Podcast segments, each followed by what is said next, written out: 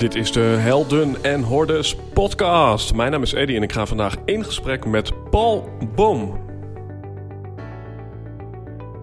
In de zomer van 2016 ontdekten we dat we een schakel waren in een netwerk van mensen die wij conscious business founders zijn gaan noemen.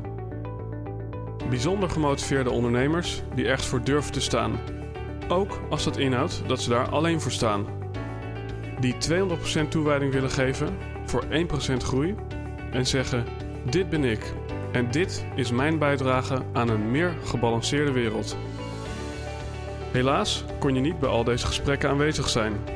Daarom hebben we die bijzondere verhalen voor je samengebracht in deze podcast.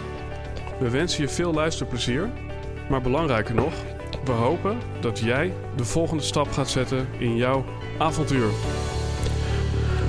Alright, beste luisteraar. Een van de laatste afleveringen die ik publiceer in 2019.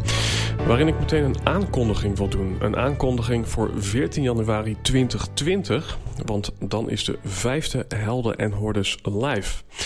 Wie denk je wel niet dat je bent, is de titel van deze podcast. Een live podcast waarin jij kunt meepraten omdat er een microfoon staat in het publiek. En deze podcast is met Edwin Selei, de hypnosekoning. In het verre verleden, kan ik bijna wel zeggen, heb ik een hele toffe podcast met hem opgenomen. Hij heeft diverse boeken geschreven. Hij heeft het Hypnose Instituut Nederland. En hij weet alles over identiteitsvorming, patronen doorbreken. Ja, allerlei belemmerende angsten of fobieën, gedachten die jou niet dienen en waar je dus door middel van hypnose een punt achter kunt zetten. Nou, hij kan daar van alles over vertellen. Het wordt een soort interactief verhaal. Uh, je krijgt waarschijnlijk ook een aantal praktische oefeningen mee naar huis. En als trouwe luisteraar van deze podcast heb ik vanuit de ruimte die dit faciliteert een kortingscode gekregen. Waarin je voor minder dan 10 euro in de zaal kunt zitten.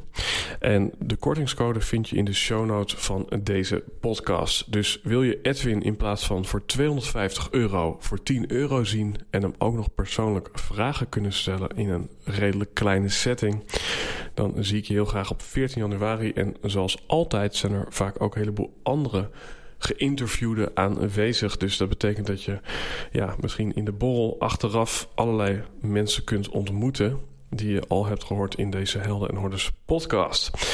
En dan ga ik nu door naar Paul Boom. Mijn oom, dat rijmt. En het bijzondere is, ik zit op het moment in zijn huis in Den Haag. Terwijl Paul zelf al een tijd in Genève zit. Nou, hoe dat precies zit, dat hoor je onder andere in deze podcast. En de ontmoeting met Paul dit jaar is een hele bijzondere geweest. Waar een vriendschap uit is ontstaan. En ik denk dat hij het zelfs over mij zou zeggen. En we hebben elkaar in een ja, levenstransitie behoorlijk ondersteund en geïnspireerd. En dat is ja, op zichzelf al bijzonder, maar dat is extra bijzonder als deze meneer al 32 jaar mijn oom is. En dat we nu in 2019 elkaar op deze manier hebben ontmoet. Mooie wandelingen hebben gemaakt in Zwitserland en in Frankrijk. En wie is Paul? En wat heeft Paul allemaal gedaan? Nou, Paul Boom heeft gewerkt voor het ministerie van Volksgezondheid, Welzijn en Sport. En is vanuit zijn woonplaats Genève het aanspreekpunt geweest voor Nederland bij de Wereldgezondheidsorganisatie. Hij heeft een grote passie voor modelauto's, in het bijzonder voor Corgi Toys.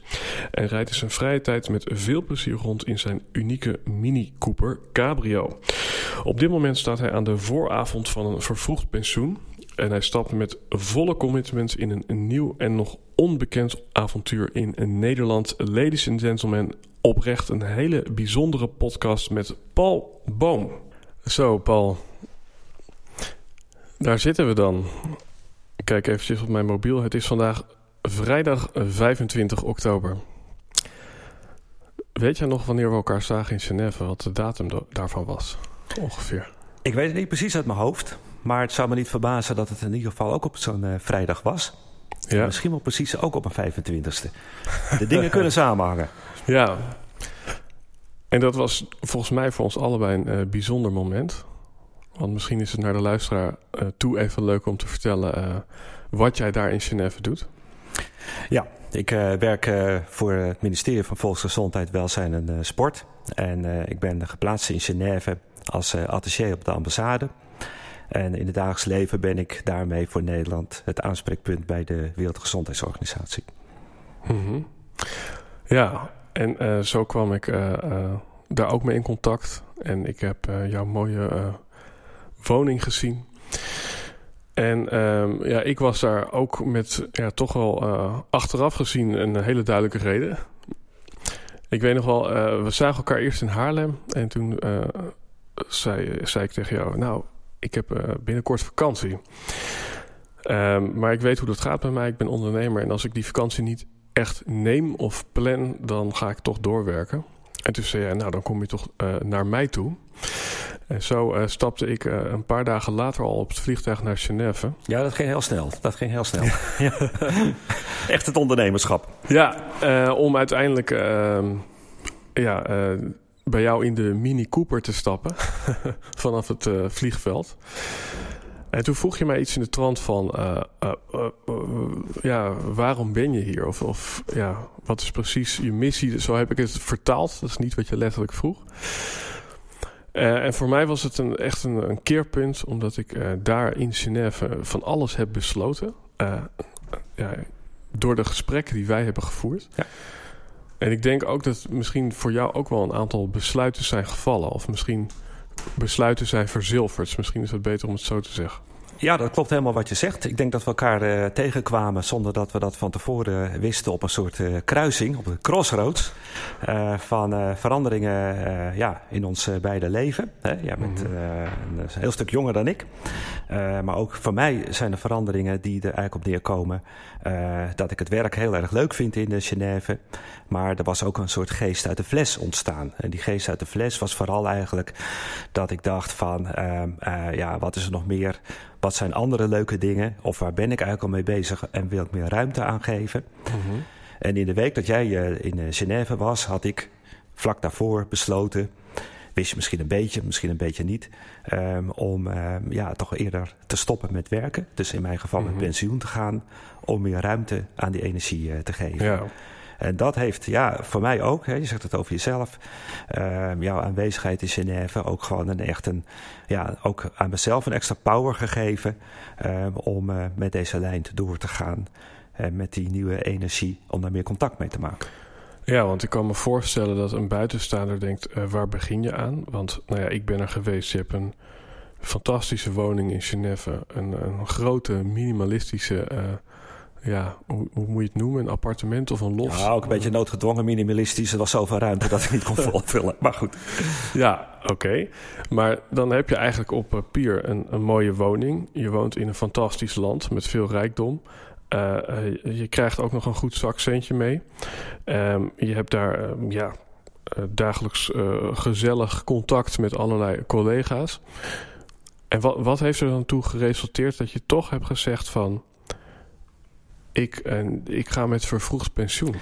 Ja, dat is natuurlijk een goede vraag. Het zal natuurlijk heel duidelijk zijn dat ik niet naar Genève ben gegaan om er, denk ik, alles bij elkaar anderhalf jaar uh, te zitten. Mm -hmm. normale aanstelling is uh, vier jaar. Dat was ook mijn eerste uh, inschatting. Um, maar. Um, ja, het was voor mij wel een totale verandering. Dan moet ik toch even iets zeggen over het dagelijks werk mm. in, uh, op het ministerie in uh, Den Haag. Uh, daar wordt veel gepraat, er wordt veel vergaderd, maar er wordt ook heel veel bereikt. Er zijn veel dingen, zeker op het gebied van de zorg, waar we echt de schouders onder zetten. En ja, ik vond dat ik daar ook een bijdrage in heb uh, kunnen leveren in al die uh, beleidsprocessen. Mm -hmm. Ik praat hem even als ambtenaar, ik realiseer me dat, uh, waar ik mee bezig heb gehouden. Genève is natuurlijk vooral een omgeving van de internationale diplomatie. Mm -hmm. Ook daar wordt heel veel gepraat, wordt heel veel overlegd, dat is ook nodig. Maar ik miste daar ja, ook een resultaat bij. En dan kom je in een vaarwater terecht, ja, zingeving. Mhm. Dus voor het eerst kwam ik eigenlijk in Genève, in het eerst van mijn lange loopbaan uh, uh, bij de overheid, dat ik ochtends opstond, dacht ik, ja, maar is dit het nu? Mm En dat gevoel, uh, dat kon ik niet meer wegdrukken. En heb ik ook echt omarmd, ook serieus genomen. En dan zijn alle dingen die jij noemt, hè, dus de huizen en bezittingen en noem maar wat op. dat is sowieso al nooit echt doorslaggevend geweest in mijn leven. Maar in dit geval is het een bevrijding voor me geweest dat ik me daar niet druk over hoefde te maken. Mm -hmm. Om te zeggen, dat ben ik straks allemaal kwijt. Want er komt heel veel komt er verder voor terug. Ja. En wat, dat weet ik nog niet. Maar dat is wel het proces uh, waar ik in zit. Ja. En, uh, en, en, dat, en, dat, en dat is uh, wat mij betreft een heel interessant stukje. Je zegt eigenlijk, wat er voor terugkomt, weet ik niet. En dat is volgens mij iets wat wij delen op die crossroads waar wij dan een aantal maanden geleden in zaten. Dat, ehm, als ik het even voor mezelf beschrijf, is het een rotonde waar ik op zat. En ik voelde, ik moet een afslag nemen. En die heb ik genomen in jouw bijzijn. En ik wist eigenlijk helemaal niet uh, wat ik uh, voor mijn kiezen zou krijgen als ik die afslag zou nemen. Sterker nog, het was allemaal mist. En dat vind ik interessant. Je zegt vanuit een soort van motief van zingeving. Heb ik ook een afslag genomen? Heb ik een andere keuze gemaakt in mijn leven? Maar ik kan me voorstellen dat als het heel duidelijk is dat er een verlangen of een stip aan de horizon staat van dit is mijn bestemming. Als je het vergelijkt met een soort van reis van nou, het beloofde land, ik zie het al voor me. Um, maar dat, dat, dat plaatje is er eigenlijk niet. En toch zeg je vanuit zingeving. Uh, heb ik dat besluit kunnen nemen? Ja, omdat ik denk dat je erg moet oppassen. Hè? De stip aan de horizon, ook een veelgebruikte term in het, in het, uh, het dagelijks leven, in de, in de, de ambtenarij, zeg maar. Uh, verhalen van in workshops, waar wil je over vijf jaar staan? Mm -hmm. Ja, ik denk dat je daar erg voorzichtig mee moet zijn, want er zijn vaak een beetje um, ja, bedachte missies die dan een eigen leven gaan leiden en die al heel gauw uh, doodslaan. Uh, de echte stip op de horizon is het gevoel, het, proberen te creëren van je zuivere gevoel en je daardoor te laten leiden. Dat is geen stip, dat is een hoedanigheid waar je verder in, uh, in leeft. De verleiding is altijd erg groot en ook bij mij wel hoor, om gewoon een termijn te stellen en uh, of uh, rituelen hebben mensen. Ik sprak vorige week mijn vroegere leidinggevende en uh, die had het, ja, jij begon erover, het afscheid nemen van mij rondom mijn pensioen. En ze zegt, Paul, beloof me dat je wel een formeel afscheid gaat nemen. Ik zeg, ja, maar waarom dan? Ja, ja, maar het is toch belangrijk? Het zijn toch rituele dingen. Je markeert ermee stappen in je leven. Terwijl ik denk, dat slaat dood. Het gaat -hmm. erom van uh, de energie die je verder voelt. En die heeft geen begin en geen einde. Laat staan dat je daar een stip van uh, kan, uh, kan, kan maken. Ja, ja, mooi. We zoeken vaak naar een soort houvast, een soort structuur. Ja. En die fase ben ik een beetje aan het voorbij gaan. Ja, en ik kan me voorstellen dat als je dan zegt van nou, het is eigenlijk, in mijn woorden, het is inchecken op een bepaald gevoel. Een soort, in het Engels zeggen ze gut feeling, intuïtie kan je het ook noemen. Ja hoe maak je daar contact mee? Want in mijn geval was het nodig om naar Genève te gaan. Om eventjes helemaal uit een bepaalde conditionering te gaan om daar contact mee te maken. Hoe, want, want ik weet, je hebt, je hebt wel vaker eigenlijk ook de keuze om naar Genève te gaan. Dus je hebt, je hebt al wat grotere levenskeuzes gemaakt. Op basis van nou ja, dit gevoel blijkbaar. En hoe, hoe blijf je daarmee in contact? Nou ja, misschien is Genève zelf al een goed uh, voorbeeld. Want mensen hebben me dat natuurlijk gevraagd. Hè. Die hebben gezegd van ja, maar waarom ben je naar Genève gegaan? Wat vond je er leuk aan? Wat waren uh, je verwachtingen daar verder bij? Mm -hmm. En het verhaal is um, dat um, ik niet naar Genève ben gegaan vanwege een soort ja, carrière move. Of dat ik dacht, nou, een mooie afronding van mm -hmm. mijn loopbaan. Um, uh, Genève is op mijn pad gekomen doordat ik een collega vroeg in de lift in Den Haag. Um, zie je Gert-Jan nog wel eens? Gert-Jan is mijn, was mijn voorganger die in Genève mm -hmm. zit. En die collega zegt van, uh, uh, ja nee, die komt volgend jaar weer terug naar Nederland. Mm -hmm. Die man was dan niet de lift uit. En voor mij was het zo overtuigend. Ik denk alsof het een soort verliefdheid was. Ik denk, dit wil ik. Ja. En de volgende dag zat ik bij de directeur internationale zaken om nou ja, mijn uh, belangstelling kenbaar te maken. Terugkijkende denk ik van ja, normaal is er al lang iemand voor geselecteerd of wat dan ook. Ik heb continu de overtuiging gehad dat Genève uh, dat het dat gaat worden en daar nooit over getwijfeld. Mm -hmm. Ja, nu kan ik langs, langzamerhand een beetje terugkijken. Ik denk, ja, misschien was die overtuiging... had het wel te maken met een nieuw levensgevoel... Ja. dat via Genève, laten we het zo maar noemen... Ja. tot uiting is gekomen. Ja, ja. Ja, want, want wat mij opviel... Hè, en, en dan is het spreekwoord... een vis weet niet wat water is. Uh, met andere woorden, Ja. vaak je eigen gedrag... Ja, of je eigen ja, manier van leven... Die, die kan je niet goed duiden... omdat je omdat het voor jou iedere dag uh, zo gaat. je hebt geen referentie. Nee. Maar wat mij direct opviel toen ik bij jou kwam, um, is dat jouw huis inderdaad nogal minimalistisch aangekleed. Uh, maar dat je ook dingen uh, met heel veel aandacht doet. Dus ik, ik zou het vertragen willen noemen. Ja. Is dat een bewuste lifestyle of, of, of, ben je daar bewust van? Nou ja, ik, laat ik het zo zeggen. Vertragen zou ik het niet uh, noemen. Hoewel mensen, ja, dat ga je op een gegeven moment verder krijgen. Als je leeftijd bereikt, zeggen mensen: Goh, vind je ook niet dat de tijd allemaal zo snel gaat? Mm -hmm. En ja, dat is niet mijn ervaring. Ik vind dat de tijd erg langzaam gaat. Ik vind dat de tijd soms bijna stilstaat. Ik weet niet zozeer of dat vertragen is. En in ieder geval niet dat ik dat bewust doe. Maar dat het wel te maken heeft met je heel bewust uh, de momenten uh, ja. ja daarmee, daarin leven en daarmee ja. bezig zijn. En dat is misschien ook een beetje wat jij zegt net over de stip aan de horizon. Dan, dan plaats je het in, in een andere op een andere plek. Mm -hmm. uh, je kan ook dingen in de toekomst verder projecteren. Dat kan je uitstelgedrag verder noemen. Maar de dingen zijn er nu al. Mm -hmm. En als je daar heel bewust mee bezig bent, hè, je zegt met aandacht, met toewijding, Ja. met liefde dingen doet, dan maakt het ook niet zoveel uit wat je doet. Maar het is een moment om te doen, um, ja, je, je, bewust te zijn van, Ja. je, aan, van je bestaan. Ja, En meer is er eigenlijk ook niet. Ja, dat klinkt een beetje. We zijn. Waarom, hoezo en waarom en waar we heen gaan, dat weten Ja. we niet. Maar het moment waar we nu met elkaar zo zitten te praten, Mhm. dat is in ieder geval een feit. Dus Ja. dat is iets ja, waar je dan ook aandacht aan moet besteden. Ja. Nou ja, want in die zin van, kijk, eh, er is wel bij heel veel mensen een behoefte naar meer eenvoud, meer rust, eh, meer mindfulness. Ja. Alleen, ik denk dat als je de resultaten erop nahoudt, dat, dat het omgekeerde misschien eerder waar is. Ik denk dat we steeds vaker de mobiel pakken, Ja, eh, steeds meer ja, van onszelf moeten. ehm, eh, ja, en aan allerlei voorwaarden eh, moeten voldoen om een, Ja. om een goed leven te leiden. En, en, en dat vind ik dan ook interessant van.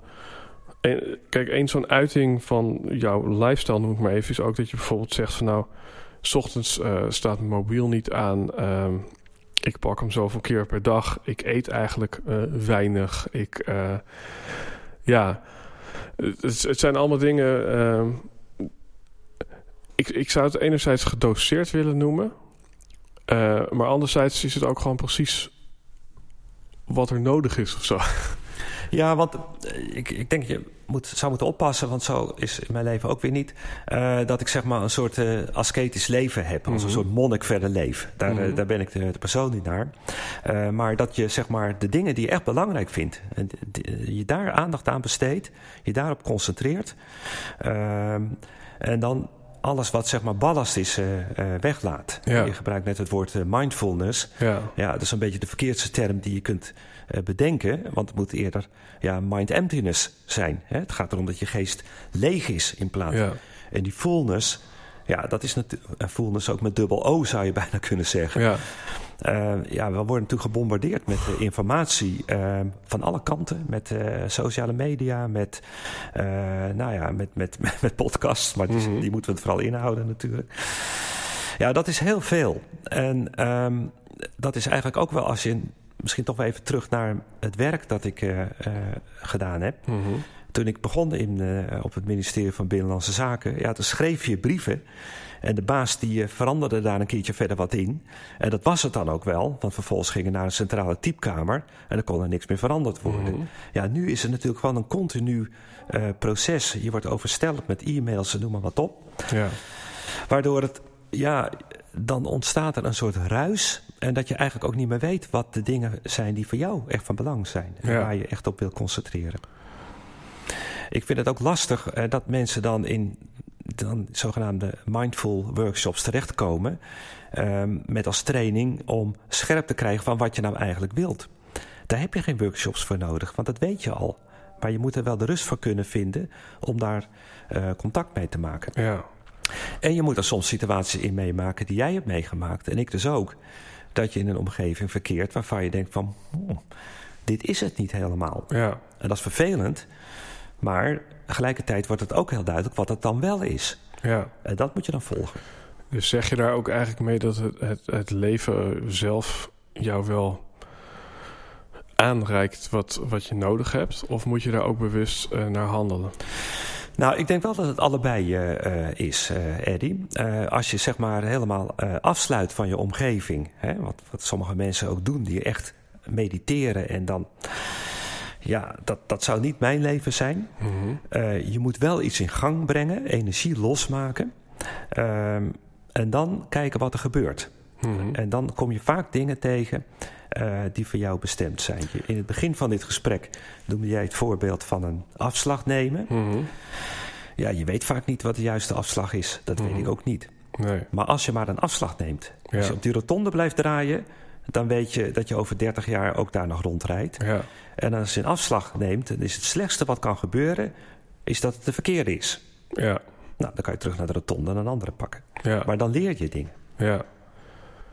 Je zei net ook van uh, meditatie, dat is niet uh, mijn weg. Is, is dat, uh, heb je daar ook een gedachte bij van...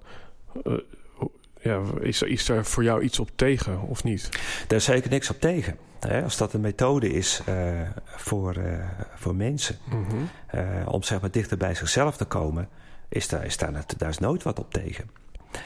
Alleen meditatie wordt heel snel gerelateerd aan uh, totale stilte, totale hmm. rust, visuele rust ook. Je noemde mijn huis, misschien ja. weet het niet.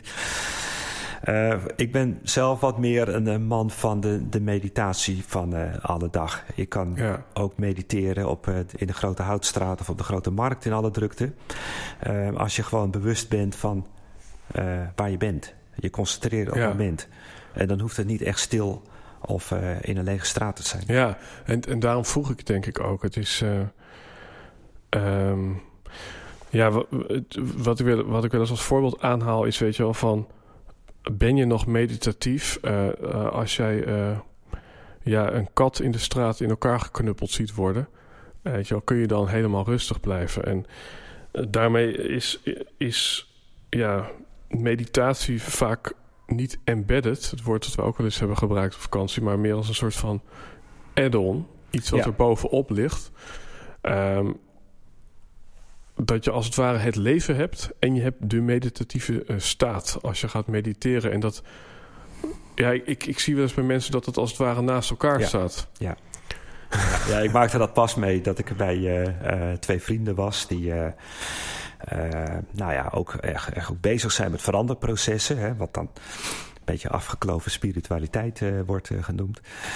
En tijdens dat, ja, gewoon gezellig een kopje thee praten over de dingen van het leven. Mm -hmm. dat een, de, partner van die vriend van me, die zegt... Ja, Paul, ik moet nou even weg, want ik ga nu even een half uurtje mediteren. Ja, dat vond ik heel bizar. Ik denk, ja. je bent er toch met mij in gesprek. Ja, ja. En dat is dan datgene waar je mee bezig bent. Ja. Dus waarom ga je dan afzonderen? Um, in, juist in een omgeving waar je energie met andere mensen kan, uh, uh, kan uh, beleven. En dan wordt het weer een soort doel wat eigenlijk juist in de weg staat waar het om, om draait. Nou ja, dat is natuurlijk heel gauw het gevaar van ik, ik, zei net iets over spiritualiteit, dat het een term is waar je soms een beetje moet oppassen. Want het wordt ook heel gauw een, um, ja, een vorm van religiositeit. Hè? Dus en, een, een soort formulier, een soort vaste protocollen. Als je daar maar aan voldoet, dan, ja. Dan is het allemaal in orde. En uh, de wereld is in uh, pijs en vree. Uh, maar ik denk, dat voorbeeld van die kat ja, dat je ja. net doet, is wel een goeie. Um, um, ja, het gaat ook om... Als je bewust bent van de omgeving waar je in bent, zie je ook de dingen die zich daar voordoen. En dan moet je dan ook naar handelen. Ja. Dus als er iets gebeurt dat onaangenaam is of juist heel goed is, dat je daar dan ook in meegaat. Dat is juist het volgen van je hart. En niet als een soort zwevende boeddha daarboven uitstijgen. Ja. Deel maken van ja. de werkelijkheid. Ja. En de werkelijkheid is natuurlijk langzamerhand ook een rekbaar begrip in een wereld met allerlei, ja, je noemde het net uh, digitale apparatuur, mm -hmm. waarvan je ook niet meer goed weet wat is echt en wat is, ja. wat is niet, uh, niet echt. Ja. Zijn er nog rituelen, misschien kan je iets dichter bij de microfoon ja. zitten voor de, voor de, ja. voor de kijkers thuis. zijn, zijn er dan nog wel rituelen uh, die jij wel zeg maar continueert? Of, of word jij iedere dag wakker en denkt van nou, ik ga kijken hoe ik het vandaag doe en wat er zich aandient en, en wat mijn gevoel zegt? Nou ja, ik zal eerlijk zeggen, echte rituelen heb ik verder niet. Behalve dat ik uh, s ochtends een uh, half uurtje tai chi. Oké. Okay. Daar zeg je van, nou ja, tenminste dat zeg ik dan. Ja, nee, dat is goed voor uh, lijf en leden. Mm -hmm. Maar daar zou iets van een ritueel in kunnen zitten. Uh, Mhm. mm -hmm. Omdat ik het gevoel heb dat als je dat niet doet, dat je dan gelijk uh, cold turkey ja, ja, aan het ja. werk van de dag uh, begint. En niet contact maakt met, nou ja, met, met de dingen om je heen.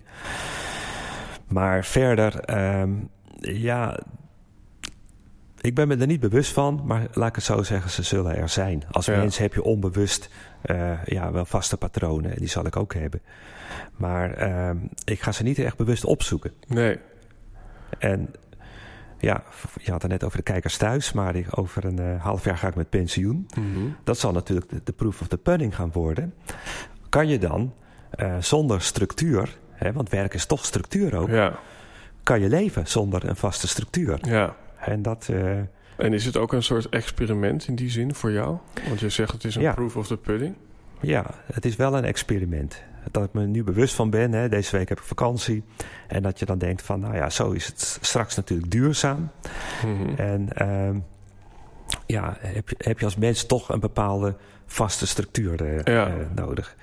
Voorlopig denk ik dat dat niet zo is. Mhm. En als je zeg maar gewoon de dingen doet die op dat ogenblik voor jou van belang eh, zijn, Ja. dat je daar een hele dag mee kunt vullen. Ja. Want je leeft in het moment. Dus die dag en wat daarna komt, dat maakt ook niet zoveel uit. Nee.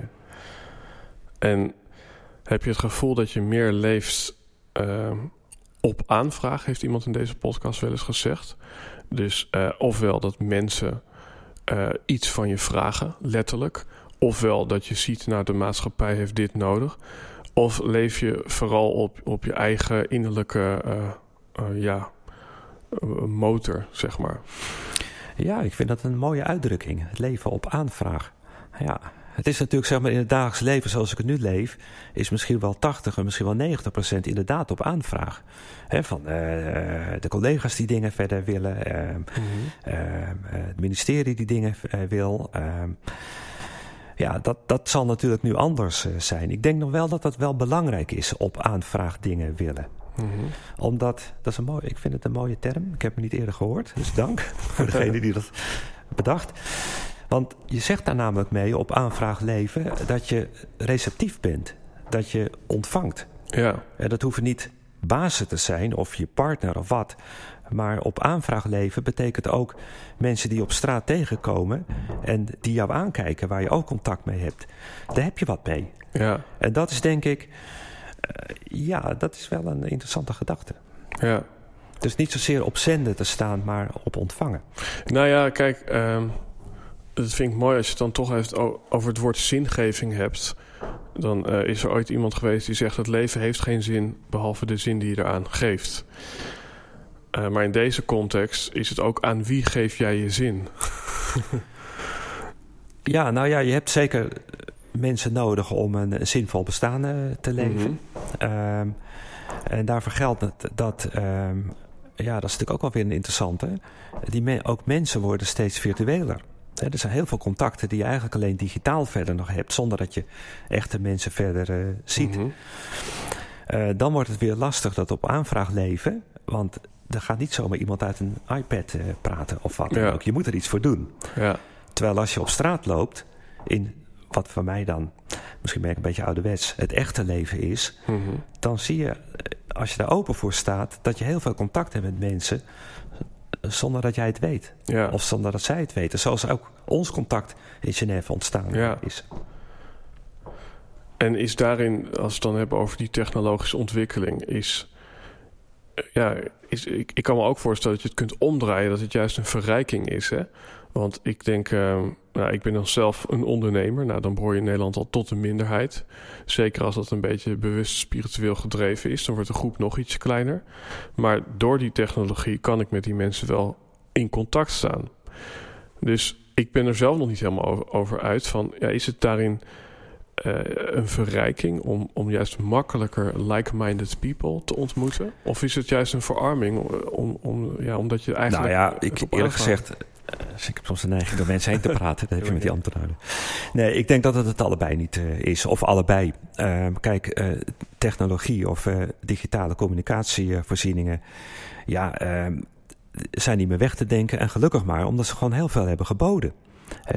Je kan met heel veel mensen contact leggen. Ehm, zonder dat je zeg maar fysiek op hetzelfde plek verder bent. Ehm, dus dat is zeker een verrijking. Mhm. Maar ja, je begrijpt misschien wat ik ga zeggen. Er moet wel een soort follow-up op zitten. Dat er ook toe leidt dat mensen elkaar al is maar eens in zoveel tijd elkaar verder tegen, tegenkomen. Ja. Ja, dat inderdaad. Anders dan uh, ja, alsof je in de coulissen leeft en het podium niet betreedt of zo. Ja, ja. interessant. Nou, en ook misschien wel een beetje, Eddie, ehm, dat digitale media hebben toch, daar zit het modem zit ertussen. Het, het is toch een soort, of een interface. Uh, het blijft een soort scherm tussen eh, zitten. Uh, er is niet, naar mijn gevoel, een soort direct contact dat te maken heeft met dingen, met allerlei dingen als non-verbale communicatie. Mhm. Met communicatie die helemaal niet uh, zichtbaar is. Hè? Gewoon, mhm. ja, het is, dan gaan we misschien een beetje te ver, maar het overdragen van energie tussen mensen. Ja, ja dat zal niet lukken met, via WhatsApp. Mhm. Dus dat, dat die energetische energie tussen mensen, zonder in de wereld van de chakras terecht te komen, maar die moet je zien en ervaren en voelen. En ja, daarin zijn we toch wezens. En dat kan je nooit vervangen met een. Uh, met, met, uh, ja, met, met digitale apparatuur. Mhm. Maar natuurlijk, het verrijkt de mogelijkheden die er verder zijn. En bovendien worden ze natuurlijk ook steeds fijngevoeliger. Hè? Dus mm ook non-verbaal kan je natuurlijk al lang via allerlei FaceTime of wat dan ook werken. Ja. Eigenlijk deze hele kant van jou, dus ik noem dat even je spirituele kant. Hoe, hoe heeft hij zich kunnen ontwikkelen uh, in een toch wel vrij diplomaat uh, beroepswezen, zeg maar? Ja, nou ja, dat is de vraag natuurlijk of, of die op een goede manier op die manier uh, tot uiting gekomen is. Um, als het gaat over het werk op het ministerie in Den Haag, um, daarvan heb ik echt het gevoel dat die tot de ontwikkeling is kunnen komen. Ook gewoon in je professionele werk. Mm -hmm kan je, ehm, is het voor mij althans een meerwaarde geweest om uh, ook door de nota's heen en door de uh, resoluties heen contact te kunnen maken met, uh, met mensen. Ja. En vergis je niet, ehm, ja, ook op zo'n ministerie is natuurlijk ook een beetje een soort dorp. Hè? Er werken 1800 mensen op het ministerie Volksgezondheid. Daar ontstaan natuurlijk ook persoonlijke contacten met mensen. En die hebben heel veel te maken met uh, spiritualiteit. Dus het leeft ook wel, uh, ja, echt ook in zo'n bedrijf als een ministerie. Ja in de wereld van de diplomatie, dat zegt natuurlijk de naam al mhm. een beetje. Ja, daar gaat het natuurlijk vaak heel veel over, over de vorm, over het gedrag en over ehm, ja, je formele positie. Mhm. En daar, uh, naar mijn gevoel, althans de ervaring die ik heb gehad in Genève, is het lastiger om echt met dit soort ehm, andere vorm van werken eh, om te kunnen gaan. Ja. Interessant. Als, eh, als ik een soort tussentijdse conclusie aan dit gesprek mag verbinden, dan, dan hoor ik enerzijds zeggen van, nou ja, voor mij is het in ieder geval niet de weg om te mediteren naast het gewone leven, zeg maar. Maar ik hoor je eigenlijk ook zeggen, nou, voor mij is het niet zo dat spiritualiteit iets is in de avonduurtjes met een Boeddha-beeldje. Het is eigenlijk allemaal uh, uh, ja, een soort van gelaagd. Dus, dus de spiritualiteit uit zich uh, ja, in het materiële leven. Ehm, de, meditatie, ja, die, die is embedded in ja, gewoon op de grote markt staan en om je heen kijken. En, ja. en dan komen we op het derde punt. En dat is het verschil tussen lezen en leven. Dat is één letter verschil.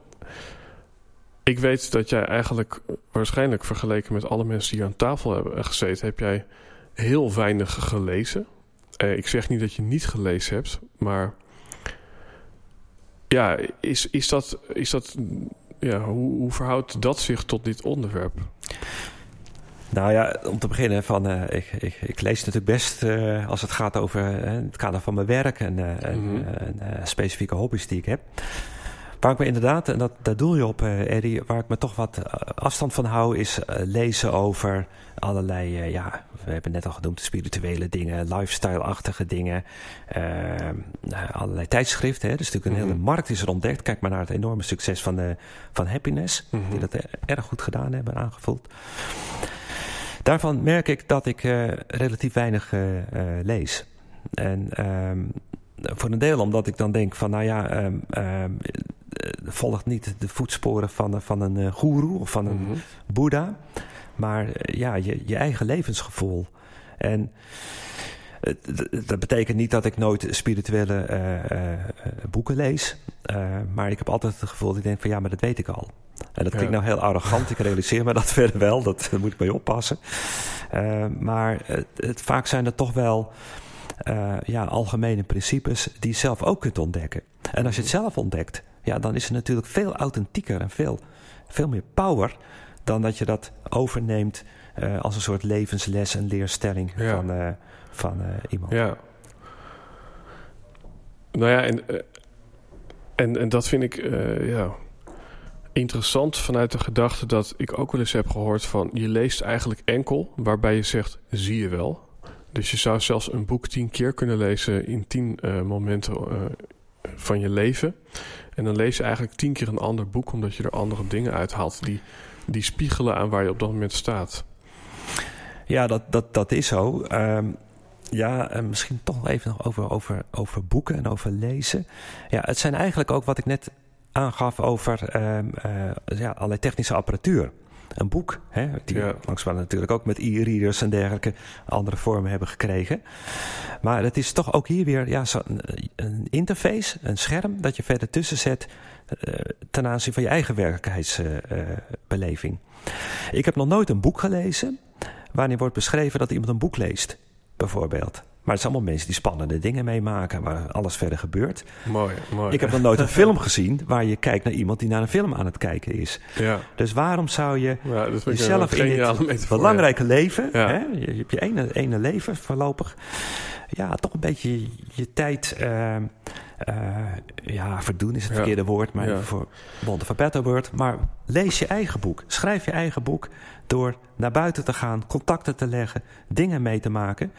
Soms minder leuke dingen. Het is ook niet altijd ja. allemaal fantastisch. Maar je daar je eigen levensboek te lezen door het te, le door het te leven. Ja. Ja, ik heb het wel eens eerder aangehaald in een podcast. Maar dat vond ik wel ook een hele mooie.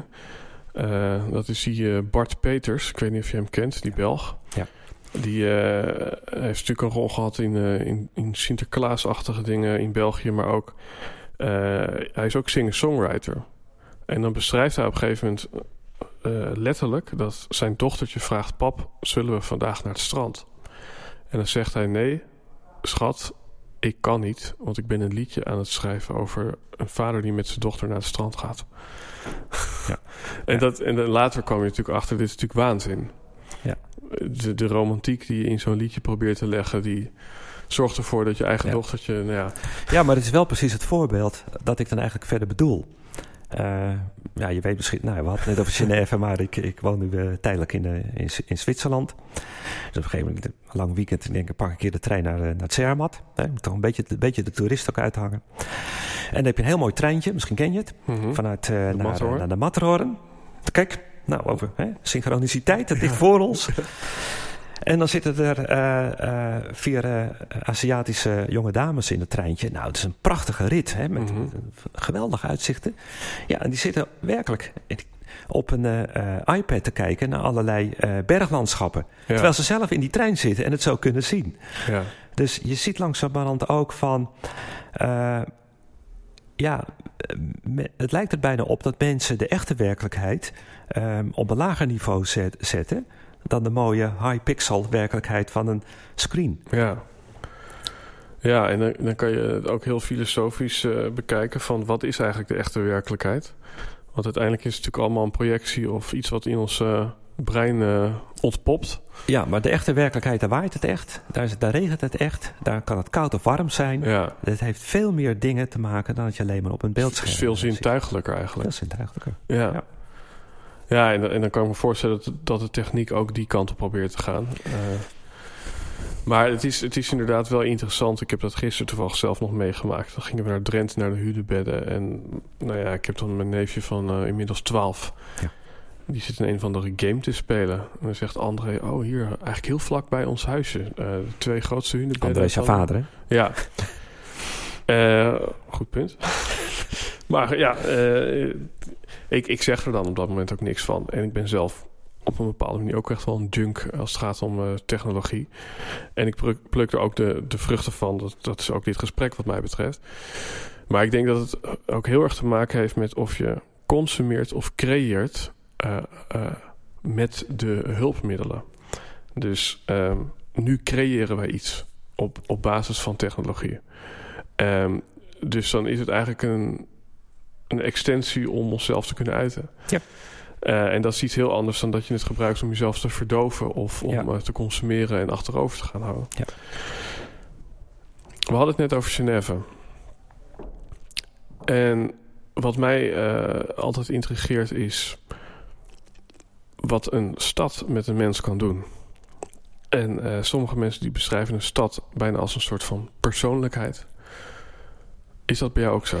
Ja, dat is zeker zo. Ik, uh, ja, dat, dat is, uh, nou ja, dat is misschien een beetje zonder een ingewikkeld verhaal van te houden. Ik was nooit eerder in Genève geweest. En het klopt helemaal dat ik eigenlijk altijd wel een bijzondere band met de steden heb. We zijn nu in Haarlem, dit is mijn geboortestad. Ik woon er 26 jaar niet meer. Maar het blijft een soort band die je met zo'n stad verder voelt. Alsof het inderdaad een persoonlijke uh, band is. Genève is wat dat betreft wel interessant. Want als je het een beetje vergelijkt met een persoonlijke relatie... was het vooral een blind uh, date. Ik was er nog nooit geweest in uh, Genève. Uh, maar toen de eerste keer kwam, ik denk... ja, maar dit is wel de stad waar ik dan vier jaar zou moeten gaan wonen. Mm -hmm. hè? Terwijl je het eigenlijk niet kent. En mijn eerste indruk was niet al te positief. Maar ik dacht, nou ja, weet je, hè, laten we het proberen. Ja. Alsof het een soort ja, persoonlijke relatie is. En dat, voor mij is dat wel eens een interessante blik, blikopener, een mind-opener geweest. Om er vervolgens achter te komen dat dat eigenlijk daardoor ook heel goed gegaan is. Genève is, ik woon nu in Den Haag. Genève is een beetje al het andere als mm-hmm. Den Haag. Genève heeft toch iets ingetogens. Het heeft iets saais. Het is niet zo'n grote stad. Maar door er eigenlijk van meet af aan voor te kiezen... dat je denkt, ik ga van deze stad houden, laat ik het zo maar zeggen... Mm-hmm. is dat ook zo geworden. Ja. Hè? En ik heb net gezegd, ik stop er eerder mee, maar Genève mis ik nu al. Ja. Dus het klopt wel wat je zegt. Ik voel daar een persoonlijke band mee. Ja, want ik dacht dat het een hele andere kant op ging. Want als je het dan toch over een relatie hebt, dan zeggen ze... Uh, zoals een relatie begint, zo zal die zich voltrekken. Uh, dacht ik van, nou ja, dan zou het ook kunnen... als je al een beetje voelde van... ik weet het even niet met deze stad. Ja, dan dacht ik dat je ging zeggen... en daarom ben ik dus ook na twee in plaats van na vier al uh, uh, eruit weg. Nee, dat, dat, is goed dat je dat nog even... want dat is eigenlijk wat ik misschien wil zeggen. Uh, ik wist niet wat ik van Genève moest vinden... Mm-hmm. maar ik wist wel dat ik er zou gaan wonen. Hè? Ja. Het is niet een soort ja, keuze voor die stad. Het is een keuze voor het werk dat ik verder ging doen. Maar Ja. de stad is ook van belang. En van meet af aan heb ik gezegd... wat het ook is... ehm, het is het misschien niet helemaal, dat klopt. Mhm. Maar ik, ga, ehm, eh, ik, ik kies voor deze stad. Het is een Ja. keuze geweest. Om er ook van te houden. Laat ik, Ja. Die term heb ik ook gebruikt. En dat is dus vervolgens ook geworden. Dus als je het hebt over een relatie van... Als je begint dan denkt, nou ja, dit gaat er niet worden... dan weet je zeker dat het niks wordt. Maar soms is het ook ki- kiezen voor succes. Dat je Ja. denkt van, ik stap hierin. Die stad is het misschien niet helemaal. Of zij is het misschien niet helemaal. Maar ik wil het. ja. En dan, kom, dan open je voor positieve energie. Ja. Ja, mooi. Dus, dus het leven is maakbaar of niet? Nou ja, ik denk het leven wordt gemaakt, maar jij bent daar een belangrijke werknemer in. En Oh, mooi. ja, Ja, dat, ja. het is, hè, want we kunnen helaas niet alles, of misschien ook maar goed ook alles. Hè. Er gebeuren soms natuurlijk allemaal vreselijke dingen. Ook vreselijk mooie dingen trouwens. Mhm. Uh, maar ja, je, je- moet het niet laten gebeuren. Je moet daar gewoon in, in meewerken. Je bent een team. Ja. ja dat, dat vind ik heel Waarmee, dat weet ik niet, met de kosmos Ja, of... Ook, ook dit is weer, ja, het, is telkens dat thema van eh, als, alsof een soort van twee werkelijkheden, een soort van de spirituele eh, en de materiële werkelijkheid, die, die, die vervlechten in elkaar. Ofwel, ja, eh, de wereld is non-duaal en eh, eh, alles gebeurt gewoon eh, versus en ik ben daar een werknemer in en ik heb invloed. Dus Ja. ik hoorde de hele tijd van er Ja. is zowel sprake van invloed als overgave. En, ja, en, dat, en dat vind ik heel mooi. Omdat eigenlijk als we inderdaad kijken naar ook de meeste podcasts die ik tot nu toe gedaan heb, dan is het ofwel mensen die roepen het leven is compleet maakbaar. De American Dream. You can do it. En dan heb je de mensen die zeggen, nou, er is geen vrije wil. Dat kunnen we zelfs neurologisch aantonen. kijk maar, non-dualiteit, Taoïsme, alles gebeurt gewoon. En, en jij bent een marionet in het geheel. En het is allebei dus eigenlijk ja. voor, de, voor de helft waar of, of ja, tegelijkertijd waar. Ja, ik ben niet zo'n man van metaforen, maar dit lokt wel even een metafoor uit, uh, Eddie. Ehm, kijk, ja, dat, is natuurlijk een beetje het bekende verhaal misschien van... je zit in een bootje op weg naar, naar de, uiteindelijk kom je op de zee uit. En mhm. degene die gigantisch aan het roeien is, misschien tegen de stroom in... door alle watervallen heen, maar ook die komt uiteindelijk bij de zee uit. En degene die helemaal niks doet, waarschijnlijk ook wel. Maar misschien via allerlei omwegen. Ja, ik denk dat je daar een tussenweg in moet vinden. Uh, uh, niet tegen de stroom in roeien. Hè, dus meegaan met, mhm. met de energie die er verder is. Maar ja, je zal op een gegeven moment op een soort kruising, op een soort junction uitkomen. Mhm. Of bij een steen of bij een waterval. En dat je even met die pedal even een setje verder geeft en dan weer meegaat. Dus je moet wel wat doen, ja. maar je laat je verder meeleiden uh, door die energie. Dus ja, je zit daar in een soort. En daarmee kun je op een totaal andere plek uitkomen. Want als, als je met een boot 1 graden van koers wijzigt, dan kan je in een totaal ander land uitkomen. Ja, maar ik, ik, ik, heb net ook gezegd dat je uiteindelijk toch ook allemaal wel gewoon in de zee uitkomt. dus dan kan je zeggen, ja, wat maakt het dan allemaal uit wat je verder doet? Ja. Nou, wat dan uitmaakt is dat degene die zeg maar alleen maar tegen alle stromen in aan het pendelen is, die wordt dood op en die is niet erg happy. Hè? Mhm. Je komt toch in een soort gefrustreerd leven terecht. Uh, of je raakt aan de drank of weet ik veel. De ander zegt van nou, lazy going en ik kom uiteindelijk in de zee terecht. Die zijn er ook. Die al op, uh, in, in, uh, laat ik zeggen, in tienertijd kiezen voor een hele vaste, stabiele levenssituatie. Ja. Dan kom je ook in de zee terecht, maar je hebt niks meegemaakt. Ja. En ertussenin, ja, dan, dan, dan schipper naast God noemden de katholieken dat vroeger. En, hè, dus dat je zegt, dat is eigenlijk wat je daar ook van vindt van een christelijk geloof. Maar dat zijn wel mooie beelden. Je bent schipper naast God. Hè. Die combinatie, dat, is, dat schiet me zo te binnen. Maar dat is eigenlijk toch een hele mooie. Ja. ja. Sowieso vind ik het ook interessant. En die kan eigenlijk ook weer in, dat, in datzelfde rijtje. Of, of dat concept wat ik in mijn hoofd heb. Van, dat je eigenlijk zegt, metaforen, dat gebruiken eigenlijk niet zo snel. En, misschien heb je daar ook een, een, reden voor, of misschien kan je er iets over delen. Ja, laat ik vooropstellen dat het niet allemaal dogma's zijn of zo. Nee, dat snap ik. Maar um, een metafoor kan heel snel een eigen leven gaan leiden. He, dat wordt dan ook een soort, weer, een soort idee fix. En dan, ja, dan ben je ineens een schipper in een bootje... terwijl ik met jou hier ja. een, een podcast aan het eh, doen ja. ben. En vaak vind ik ook wel, maar maar nogmaals, dat, iedereen, daar kan je verschillend over denken. Maar dat het gebruiken van metaforen. Ehm, eh, dan mis je de mogelijkheid om het gewoon eens een keertje gewoon goed uit te leggen. Waarom heb je een vergelijking nodig en waarom vertel je niet gewoon wat je, wat je, wat je, wat je vindt? Ja. En dat, ik, dat, maar goed, dat is gewoon een keuze, die, daar kan je verschillend over denken.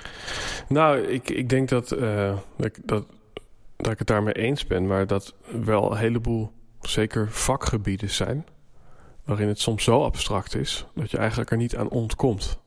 Omdat de, ander, eh, de, de, de ontvanger het anders niet meer snapt. Ja, is dat zo?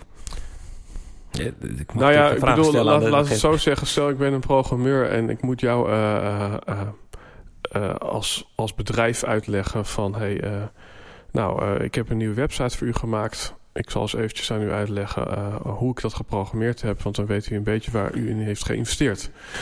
Ja, dat, mag ik daar? Ja. dat vind ik altijd gelijk een heel goed voorbeeld. Omdat ik me dan afvraag... Um, als programmeur ben je uh, trots op je werk... En je wil mhm. misschien uitleggen wat je allemaal gedaan hebt... terwijl de eindgebruiker daar helemaal niet in geïnteresseerd is. ik, ik, vind het soms lastig als mensen uitgebreid gaan uitleggen hoe de motor van mijn auto werkt, terwijl ik eigenlijk nog ineens weet hoe ik de motorkap open moet krijgen. dan denk ik, ja, dat is jouw vak. Uh, en dat heeft wel een beetje te maken waar we het in het begin van de, gesprekken over hadden, uh, Eddie. Uh, je te focussen op de dingen die voor jou van belang zijn. Dat zijn vaak ook de dingen waar je goed in bent, want daar liggen je, mm -hmm. je talenten en je belangstellingen. En dan ook gelijkertijd de, uh, de, rust kunnen vinden om dingen over te laten aan andere mensen die weer andere talenten verder uh, hebben. Ja. He, dus um, ja, misschien hebben we vaak ook wel de neiging, en ik misschien soms ook wel hoor, om allerlei dingen aan mensen uit te leggen waar ze helemaal niet in geïnteresseerd in zijn. Ja. En dan heb je ook geen parabels nodig, vergelijkingen, want Ja. je kan het gewoon weglaten. Ja. Dat is ook een beetje minimalisme in je Ja, nee, communicatie. Ja, want, want, want deze sluit ze wel aan op het stuk minimalisme. Maar ook wat je eerder zei van... Weet je wel, een, een app om te mediteren is een soort surrogaatomgeving... in plaats van dat je gewoon op de grote markt dat doet. Ja. Weet je, een boek is ook een surrogaatomgeving... omdat je de lessen uit het leven zelf kan halen. En eigenlijk is een metafoor ook weer een soort surrogaatomgeving... om, om niet gewoon hier eh, de realiteit met elkaar te delen. Ja, misschien is dat het. Ja, Van het zuiver oog in oog staan met eh, ja. eh, de werkelijkheid. Ja, ik vind het heel interessant. Omdat, omdat ik de kracht van de metafoor juist ook wel eens aanhaal in mijn werk. Weet je wel, eh, rondom storytelling. Ehm, nou, dat is misschien wel leuk om die dan even te delen, want dan snap je wat ik bedoel. Eh, er gaat een oud, volgens mij, bijbelverhaal over koning David. Eh, die heeft honderd vrouwen. En die pleegt een overspel met een vrouw van een arme boer die maar één vrouw heeft. En die vrouw raakt ook nog eens zwanger. Ehm, nou ja, die arme boer die vindt dat vreselijk. Ehm, maar eh, niemand durft eigenlijk aan de koning uit te leggen dat dit nat dan is. Zeker als hij, als hij zelf honderd vrouwen heeft. En dan komt er een boodschapper en die zegt... eh, beste koning, stel dat, eh, dat één iemand duizend schapen heeft... en iemand anders heeft er maar één. En diegene met duizend schapen... die wil zijn eigen kudde niet aanraken... en die besluit met het kerstdiner... Die dat ene schaap van die arme persoon... s'nachts te stelen en die eh, te bereiden voor kerst. Wat zou u met die persoon doen? En dan zegt die koning, ja, dat kan echt niet. En dan s'nachts komt hij tot het inzicht van... Ja. Jezus, dit gaat over mij. Ja. En dan besluit hij zelfs dramatisch een einde aan zijn leven te maken. Maar de vraag is natuurlijk wat er was gebeurd... als hij niet die metafoor had aangehaald... maar direct op de man af had gezegd... koning, wat u daar doet, dat kan niet. Want dan, dan had hij het zelf waarschijnlijk met de dood moeten bekopen. Ja, ik zou bijna zeggen, dan eh, welkom in de internationale diplomatie. Hier, dat is een heel goed voorbeeld. Dat is overigens waar de songtekst eh Hallelujah van Leonard Cohen over gaat. Wat jij Ja? had het even te zeggen. Ehm, deze eh, man die gebruikt een metafoor niet om iets uit te leggen, maar om eh, eh, op een strategische manier iets over te brengen ehm, dat dan niet op een andere manier verder kan. Daar gaat het in de diplomatie natuurlijk ook heel vaak eh, over. Hè? Van de ambassadeur wordt teruggeroepen voor overleg. Ja, Ja. bedoel, dan kan je ook eventjes via de, de, via de iPad eh, met elkaar praten. Maar Ja. dat is een, een- je wil niet zeggen van eh, we vinden dat u in uw land verkeerde dingen doet. Maar dat je een, een vorm kiest die niet, niet gelijk toe leidt dat er een, een oorlog uitbreekt. Ja, Dus dan gaat het hier echt heel zuiver, eh, precies een goed voorbeeld, gekozen voor de vorm om eh, negatieve effecten tegen te komen. ja, En niet om iets uit te leggen. ja. Mo- mooie nuance, zeker weten. Dan zijn we het een beetje uitpraten hoor, maar Nee, ik, nou ja, kijk, het, het is voor mij. Kijk, ik, ik merkte van hé, hey, ik, ik sluit me aan bij jouw eh, gedachten, maar hij ja, wreef wel een beetje met mijn, met mijn eigen gedachten. En, en nu, nu, nu snap ik dat het eigenlijk gaat om ja, de situatie waarin je die metafoor gebruikt. Ja. Ehm,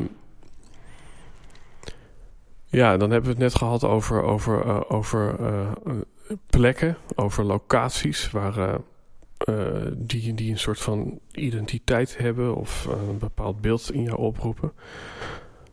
Is reizen voor jou een belangrijk onderdeel voor het komen tot nieuwe inzichten of het, of het sluiten of openen van nieuwe hoofdstukken in je leven? poeh. Ja, dat vind ik een ingewikkelde. Ehm, want dat is, dat, je hebt net het genoemd, het verhaal van een vis die weet niet hè, wat water Ja, is, omdat ja. je er zelf de hele dag eh, in verkeert. Ja, dat is misschien mijn wa- water is eh, reizen. Ik heb eh, veel gereisd in mijn leven, veel van de wereld verder gezien. Ehm, eh, zonder dat ik nou tegelijkertijd wil zeggen van nou dat is nou bepalend geweest over de manier zoals ik nu leef en, en denk. Maar het kan niet anders zijn dat dat wel een effect heeft eh, gehad op, ja, op ehm, eh, ja, het denken over het leven, over het wonder van, eh, van deze wereld waar we Mhm. verder in, eh, in eh, leven. De, de veelheid aan eh, culturen, verschillende soorten mensen. Ehm, maar dan wel in de zin van het bewust worden van je eigen eh, persoonlijkheid en je eigen cultuur. Dus in het contrast met, met, met andere eh, culturele rijkdom. Ja, Ik realiseer me dat dit niet zo'n scherp antwoord is. Ik vind het moeilijk. Het zal zeker een effect hebben gehad um, op, uh, uh, ja, op de manier zoals ik leef. Nou ja, kijk, ik vraag dit uh, omdat ik bij mezelf heb bemerkt, zowel Genève als Antwerpen een, een, jaar geleden. Um, wat over, volgens mij precies een jaar geleden is, dat is wel grappig. Maar dat zijn echt keerpunten geweest. Dus misschien kan ik het ook omdraaien dat de besluitvorming of de commitment om die reis te maken, daar zat al in verpakt. Dat precies, ik, ja. precies. Ik denk dat dat een belangrijk uh, punt is. Een, een, een, vriend van me, uh, die, nou ja, die, die gaat heel graag naar, naar andere steden, omdat hij dan de ervaring heeft dat hij los wordt gehaald uit het dagelijks leven. Dat hem dat nieuwe mhm. energie uh, geeft. En die, voordat ik naar Genève ging, zegt tegen mij van... Uh, Paul, je zal merken, uh, Genève hè, is een andere stad. Dat verandert totaal je leven. Nou, achteraf gezien, gezien, heeft hij misschien ook wel een beetje gelijk gehad. Hè? Ik mhm. ben ook weer tot nieuwe inzichten verder gekomen. Maar ik denk dat ik die al had dat ik op dat moment, uh, op het moment dat ik koos om naar Genève te gaan, dacht ik van yes, dat is het. Toen die collega dat zei, dat die energie, uh, die had ik al. Om veranderingen te gaan creëren en op te zetten. Uh, dat het dus niet door Genève komt dat ik anders ben geworden, als dat zo is. Mm -hmm. Maar dat ik dat al was en dat Genève daar een, een, een uiting van is ja. geweest. Ik vind het zelfs wat lastig, maar ja, dat, dat kan verschillen. Dan kom je een beetje in de ik-vertrek-achtige scenario's. Van we gaan nu een heel nieuw leven beginnen in Frankrijk. Vervolgens met alle mogelijke ellende die daar dan uh, bij hoort. En dan denk ik, ja, je, je vertrekt wel fysiek, maar uh, in je mindset is er misschien niet zoveel veranderd. Nee. En dat is denk ik, het reizen in je hoofd is misschien nog wel het belangrijkste. Je hebt vaak je, toch je rugzak mee, uh, met juist die dingen waar je nog wat mee moet. Ja, ja. ja en die, die ligt dan in Frankrijk op een bank, maar ja. natuurlijk. Ja. Is er dan toch één plek waarvan je denkt, dat is voor mij een bijzondere locatie? Nou, er zijn uh, vijf uh, plekken in de wereld die voor mij uh, sacred areas zijn, bijzondere locaties. Niet de Blue Zones? De, de, ik weet niet. Je, ja, je hebt bijvoorbeeld Okinawa in Japan, dat is de is een blue zone. Daar nou, die hoort er niet heel bij. oud. Oké. Ja, nou ja, dat, dat is toch wel interessant dat je daarnaar vraagt. En uh, dit, dit, klinkt nou inderdaad een beetje structuralistisch, moet ik toegeven. Waar, waarom vijf? Nou, dat moet dan zo. Als er een nieuwe bij komt, valt er eentje af. Maar dat zijn gebieden uh, waar, um, ja, um, en dan kom ik misschien dan daarmee wel een beetje in de, de, de oude, ouderwetse meditatie. Waar ik mijn telefoon uitzet en waar ik naar, altijd naar terug kan keren mm-hmm. als ik denk van nu is het echt even nodig om een soort uh, rust te vinden. Het vreemde is alleen als ik in die gebieden terechtkom en sommige, dat, dat, kan, weet ik dan niet van tevoren omdat het een beetje in mijn woonomgeving ligt, dat ik er altijd heel veel energie voel zonder dat ik er echt naar zoek. Dus er zijn ook wel, ja, dat, dat, dat zijn een soort energetische gebieden. Ja. En, uh, maar voor mij zijn het uh, heilige gebieden. Dus in zoverre hebben locaties soms ook wel een bepaalde uh, meerwaarde. Ja. Zijn er ook mensen in jouw leven die een bepaalde meerwaarde hebben? Want deze podcast heet Helden en Hordes. Ja. Helden, dat gaat enerzijds over de reis van de held. Dat is een mooi boek van Joseph Campbell. Over de, de reis die je als mens maakt. Met al het vallen en opstaan om uiteindelijk eh, je missie of je levensdoel te volbrengen. Maar um, ja, helder gaat ook over wie hebben jou geïnspireerd of wie hebben een, een soort van key role gespeeld in, in, in, in jouw ontwikkeling. Is, is er dan iemand ja, waarvan je denkt, hé, hey, dat vind ik wel. Ja, held is misschien een groot woord, maar. Nou ja, ik heb net al gezegd van uh, alleen leven kan je niet alleen. Of uh, leven kan je niet alleen. Hè? Dus, dus ja, je maakt deel uit van een samenleving. En er zijn zeker mensen in mijn leven die me vooral geïnspireerd hebben. Vaak ook, uh, dat is misschien toch wel grappig of vreemd, ik weet het eigenlijk niet, maar vooral ook juist in mijn professionele werk. Waarvan ik denk die op een, op een manier, een uitnemende manier verder om kunnen gaan met ingewikkelde situaties. Uh, ja, ik, ik kan daar wat voorbeelden van noemen. En dat zijn niet de meest voor de hand liggende helden in mijn eh, leven. Hè? Dan denk je eerder van nou, mensen met wie je samen gaat sporten en uh, je gezin, familie, noem maar wat op. Maar mensen die uh, standing out in de, in de crowd. Ja. Ja, en, en waarmee stenden ze dan out in die crowd? Nou, laat ik dan toch een voorbeeld uh, noemen. Ik, uh, toen ik in Den Haag werkte, was een van de uh, dossiers die, die, ik deed... dat ging over zeldzame aandoeningen. Er zijn, onderschatten we wel eens een keertje 80 miljoen mensen in Europa... die heel weinig voorkomende aandoeningen, ziekte hebben... waar niet echt op ja, medicatie of therapieën voor zijn... En waar we mee bezig zijn geweest in Europa is om netwerken op te zetten van uh, hooggespecialiseerde ziekenhuizen. Om die snel met elkaar informatie uit te kunnen laten wisselen. Om ja, mm. daarmee ook kennis op te kunnen doen om deze mensen te kunnen helpen. Heel netwerk voor opgericht in Brussel. en een van de voorzitter van dat netwerk, dat is een Oostenrijkse professor. Tiel Voigtländer, ik noem zijn naam toch maar. Uitermate bescheiden meneer. Uh, die absoluut niet van plan was om voorzitter te worden. Maar we hebben een beetje gepusht omdat we vonden dat hij echt uh, dat goed kon. En dat is dan iemand die in zo'n glansrijke rol komt. Van zijn totale bescheidenheid. Maar de meest ingewikkelde vergaderingen leidt. Waar onze directeur-generaal op het ministerie echt een puntje aan kan zuigen. Maar met een, met een soort natuurtalent waarvan ik dan echt denk, ik wou dat ik dat kon. En uh, ja, dat zijn van mij dan mijn helden. Dus niet zozeer vanuit een soort spirituele of wat dan ook, maar gewoon iemand die, die gewoon heel goed is in zijn vak. En zonder zich daarop hoeft te laten voorstaan. Zonder ook spelletjes te hoeven spelen. Allerlei diplomatieke, politieke dingen. Maar gewoon vanuit een soort natuurlijkheid uh, ja, ingewikkelde problemen oplost. Ja. Daar kan ik heel veel ontzag uh, voor hebben en uh, waardering. Ja.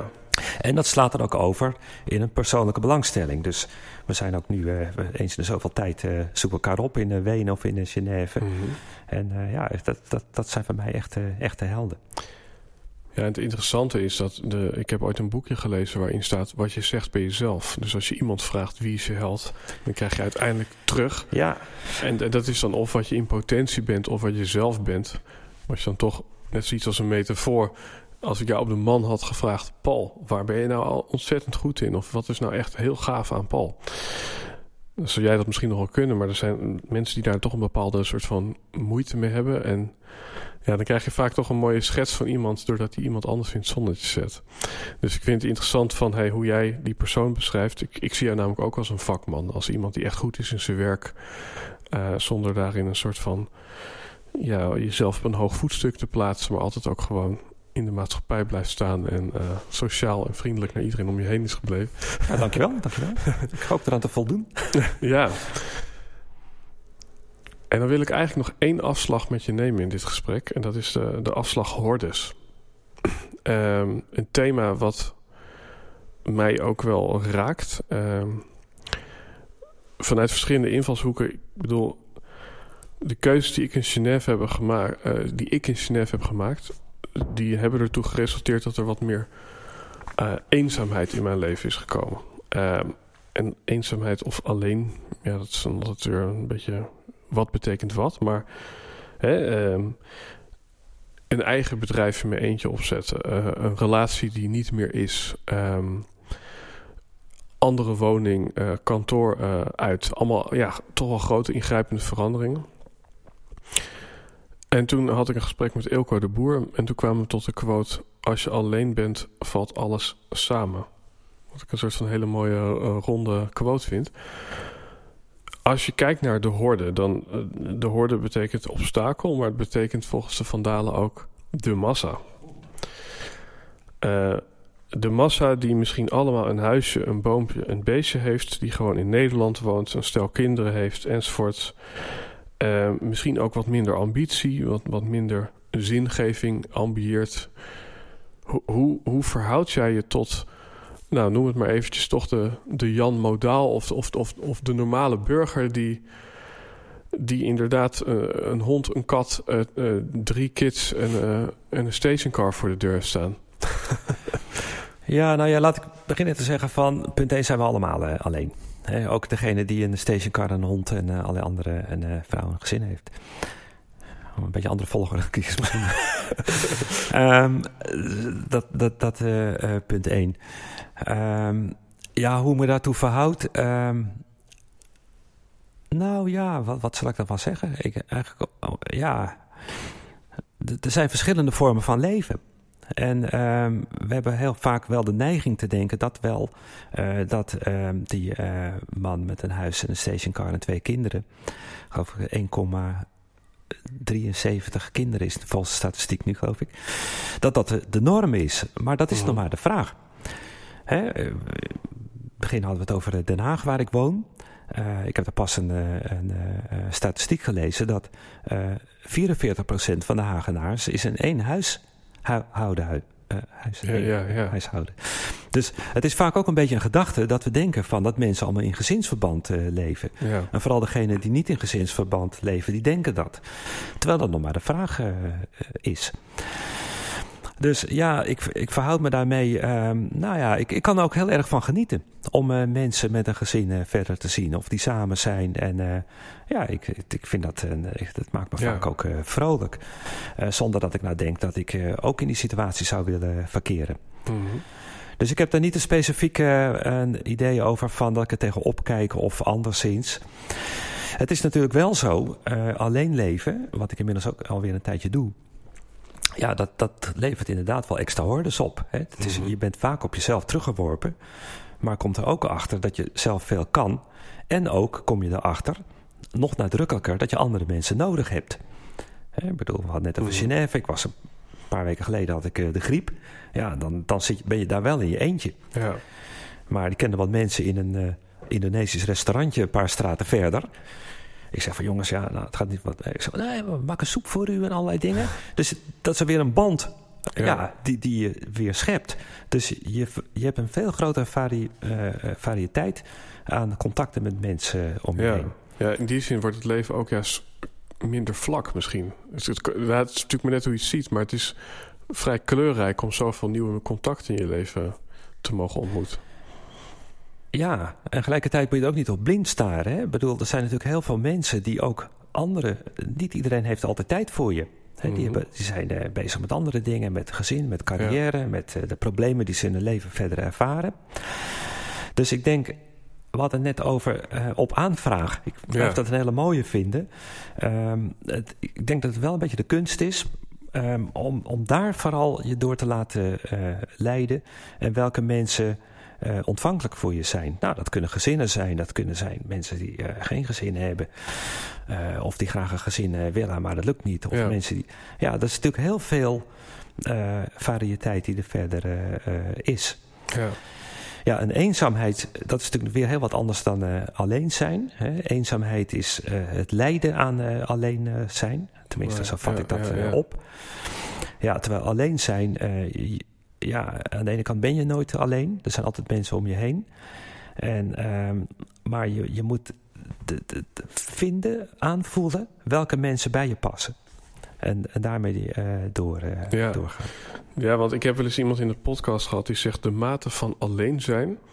Uh, ja, is als het ware het resultaat. Of, of daaraan kun je afzien in hoeverre je al spiritueel bent gegroeid en in hoeverre je al voor je missie hebt durven gaan in je leven. Los van of het daarmee eens hoeft te zijn, maar hoe verhoud je daartoe? Nou ja, goed, ik denk in mijn situatie, hè, of ik er wel of niet voor gekozen heb, maar uh, ik leef nu een tijd uh, alleen. Ik denk dat dat wel uh, ook wel ertoe geleid heeft dat ik me meer spiritueel heb kunnen ontwikkelen. Mm -hmm. dat is natuurlijk wat lastiger als je zeg maar in een vast, vaste patronen van een gezin leeft. Dat denk ik. Dat ja, weet ik niet. Ja. Maar dan ga je niet naar je sacred area eventjes verder zitten. Of je gaat wat mediteren ja, door de grote houtstraat lopen. Dan zijn er andere dingen. Dus dat zal mij wel hebben geholpen. Maar ja, uh, je moet het ook weer niet omdraaien. Dat je zegt dat je alleen door alleen te zijn uh, contact kan maken met een spirituele zingeving. Uh, dat kan natuurlijk ook vanuit allerlei andere leefverbanden op een andere manier. Ja. We zitten zo uh, uh, aan het uiteinde van de, deze aflevering. En waar ik vaak mee afsluit is uh, de vraag... je hebt een mooie Mini Cooper. Nou, dat is misschien, dus misschien nog wel even... geen, geen reclame van. Nou, het is misschien nog wel eventjes een kleine afslag. Weet je wel, auto's zeggen vaak veel over mensen. Of auto's hebben ook een karakter. Waar, waar staat een Mini voor jou voor? Nou, dat is. Lijkt bij een BMW-commercial. Uh, maar ik vind, het, ik vind het leuk dat je dat voorbeeld noemt. Want uh, ik, ik heb iets met auto's, maar dan ook als een uiting van de dingen die bij me passen. Ik vind het ook altijd interessant om te zien welke mensen met welke auto's rijden. Ja. En die mini die ik heb, dat is punt 1 een hele aparte versie waar er weinig van gemaakt zijn. Um, heeft te maken met, uh, met, met uh, Britishness. Ik heb echt een, uh, een Britse ziel. Dus de brexit gaat me echt aan het hart. Het heeft te maken met, met toch iets anders dan gemiddelde mensen die al met SUV's rijden. Maar ook met kwaliteit. het is niet zomaar een beetje in elkaar geflanst autootje. Gewoon de Duitse technologie van BMW. En die combinatie, ja, dat, dat bevalt me heel erg. Ja, ja, uh, want, want ook daar, uh, je zou dat eigenlijk ook kunnen vertalen van ja, het is inderdaad toch, toch een uniek in zijn soort, zeg maar. Maar wel een, een hele krachtige soort.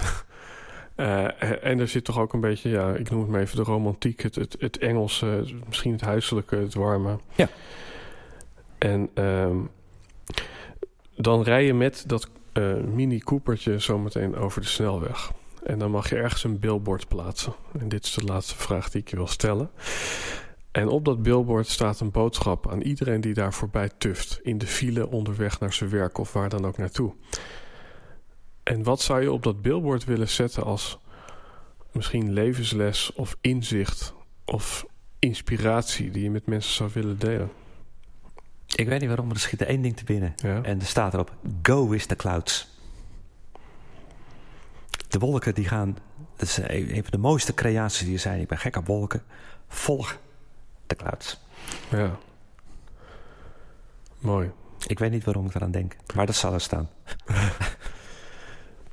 Doordenkertje.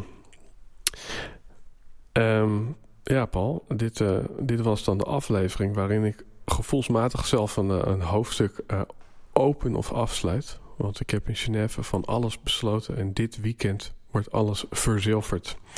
Van een nieuwe woning tot een nieuw bedrijf. Uh, nieuwe connecties, uh, nieuwe stad. En ik ga zelfs jouw huis tijdelijk betrekken, zolang jij nog in Genève ja. woont.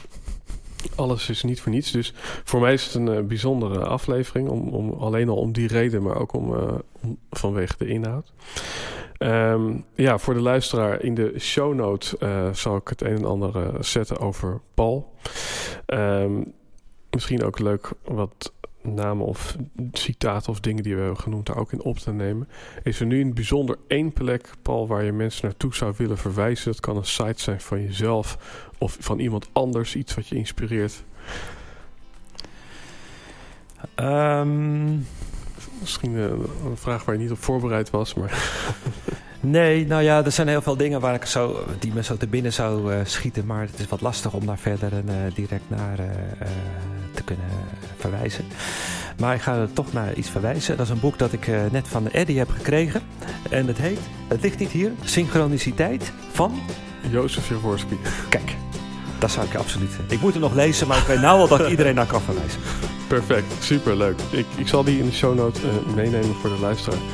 Dus uh, Paul, dankjewel voor deze uh, aanwezigheid, voor je genuanceerde inzichten en voor de luisteraar tot een volgende aflevering.